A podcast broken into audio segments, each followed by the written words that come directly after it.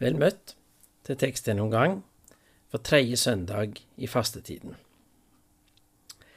Alle søndagene i fastetiden har sine historiske særpreg.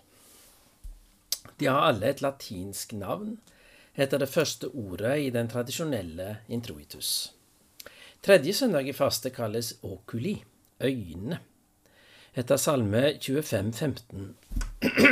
Mine øyne er alltid vendt mot Herren, for han drar mine føtter ut av garnet.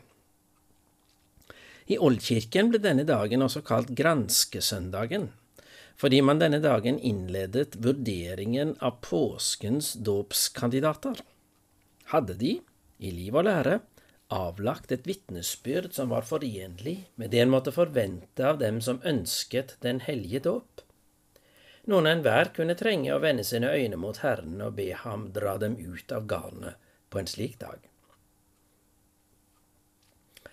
Dette elementet av prøving og gransking drar denne dagen med seg også inn i våre tekstrekker. Vanligvis vil et slikt preg være tydeligst i første rekkes tekster, men denne gangen har vi det med oss også inn i våre tekster, som i år er fra tredje rekke. Den gammeltestamentlige teksten er fra Zakaria kapittel 3. Zakaria virket som profet i Jerusalem umiddelbart etter at jødene hadde kommet tilbake fra sitt eksil i Babylon. Han fikk sin første profeti i perserkongen Darius' andre regjeringsår, som er 520 før Kristus. Vår tekst fra kapittel 3 handler om øverstepresten med det interessante navn Josva. Han er ikke den første i Israels historie med det navnet, og heller ikke den siste. Det er gitt på gresk, leses Josva Jesus. Den Josva vi hører om her, har to problemer. Han står foran Herrens engel i skitne klær, mens Satan står og anklager ham. Men Herrens engel kommer til ham, kommer ham til hjelp på begge punkter. Han tar bort hans skyld og sørger for at han får både festklær og ren turban. Assosiasjonen til teksten i Åpenbaringen kapittel 7 om dem som har vasket sine kapper og gjort dem rene i lammets blod, er her ganske nærliggende. Epistelteksten på tredje søndag i faste er det kjente avsnittet fra andre Korinterbrev kapittel 12 om Paulus' kamp med det han omtaler som sin torn i kroppen, på gresk skolops tesarki. Nøyaktig hva Paulus her tenker på, har bibelforskerne ikke funnet ut av, så da finner vi vel ikke ut av det i denne prekenforberedelsen heller. Det som er åpenbart, er at kampen for Paulus har en åndelig dimensjon.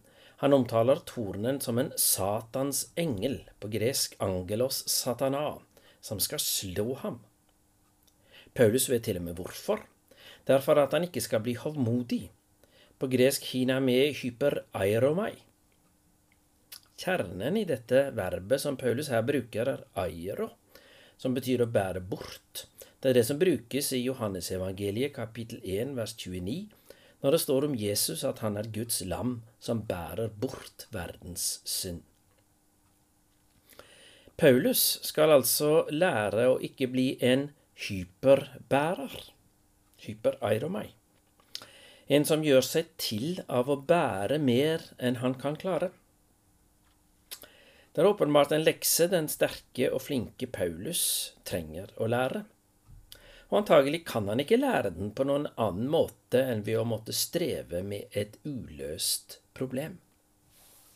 Leksen er, midt i kampen med det vonde og ubehagelige, å hvile i Ham som sier Min nåde er nok for deg, for kraften fullendes i svakhet. Det er en krevende lekse å lære dette også for oss, for den innebærer alltid å måtte streve med det vi helst vil slippe. Men det ser ut som det ikke er noen annen måte å lære denne leksen på. Prekenteksten for kommende søndag står i Lukasevangeliet kapittel 22 og er hentet fra Lukas' gjengivelse av samtalen mellom Jesus og disiplene skjærtorsdag kveld, mellom innstiftelsen av nattverden og bønnekampen i Getsemane. I avsnittet rett før prekenteksten krangler disiplene, vi kunne nesten si som vanlig, om hvem av dem som er den største, og Jesus gjentar det han pleier å si ved disse anledningene, i Guds rike er den størst, som er alles tjener. Men så går han over til å snakke om noe annet. Jeg leser teksten. Men det er dere som har blitt hos meg i prøvelsene mine. Og nå overdrar jeg riket til dere, slik som min far har overdratt det til meg, for at dere skal spise og drikke ved mitt bord i mitt rike, og sitte på troner som dommere over Israels tolv stammer. Simon, Simon, Satan har krevd å få sikte dere som hvete, men jeg ba for deg at din tro ikke måtte svikte. Og når du en gang vender om, da styrk dine brødre. Peter sa, Herre, med deg er jeg beredt til å gå både i fengsel og i død. Men Jesus svarte, Jeg sier deg, Peter, før hanen galer i natt, skal du tre ganger ha nektet at du kjenner meg.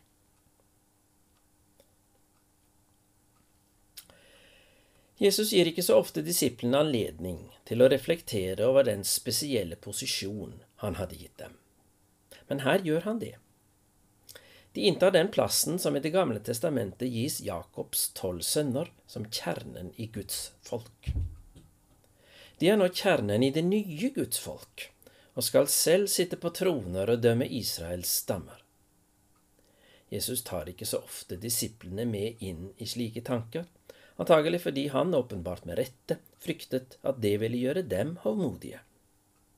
Det er likevel noe det er viktig for ham å få sagt. Han er ute etter å samle Guds folk på nye premisser, og da må grunnlaget legges på en måte som både viser kontinuitet og oppbrudd i forhold til det som var. Derfor dette budskapet om disiplene som tolv dommere over de tolv stammer i det nye Guds folk. Men som også den trettende apostel Paulus måtte lære, man blir ikke en del av fundamentet for Guds folk uten å ha gått veien gjennom prøvelser. De sto alle foran den prøvelse det kom til å bli å følge sin Herre og Mester til graven. Men Jesus er her som ofte ellers først og fremst opptatt av Peter, kanskje fordi han trengte det mest, eller fordi Jesus hadde utsett ham til en særlig oppgave. Som profeten Zakaria så øverstepresten Josva bli anklaget av Satan, ser Jesus Peter og de andre disiplene bli utsatt for Satans prøvelser. Men Peter har et våpen i den kampen som han selv ikke vet om. Han er omsluttet av Jesu forbønn. Og det kan han trenge, for på dette tidspunkt har Peter skjønt lite av realitetene i den kampen Jesus her omtaler. Galant lover Peter Jesus støtte både i liv og død. Jesus, som av egen erfaring vet hva kampen med Satan dreier seg om, levner Peter liten ære i den kampen. Omvendelsen din, sier han, den ligger enda foran deg, og før du kommer dit, skal du svikte meg fullstendig. Men jeg har bedt for deg, og jeg ber for deg. Og da kan det hende at din tro til syvende og sist likevel ikke vil svikte. Både dagens og tekstenes tema peker altså denne søndagen mot ett bestemt prekentema, troslivet som en arena for kamp og prøvelser. Derfor så skulle vi ha et og annet å hente fram av egne erfaringer, som kan gi prekenen dybde og resonans denne dagen.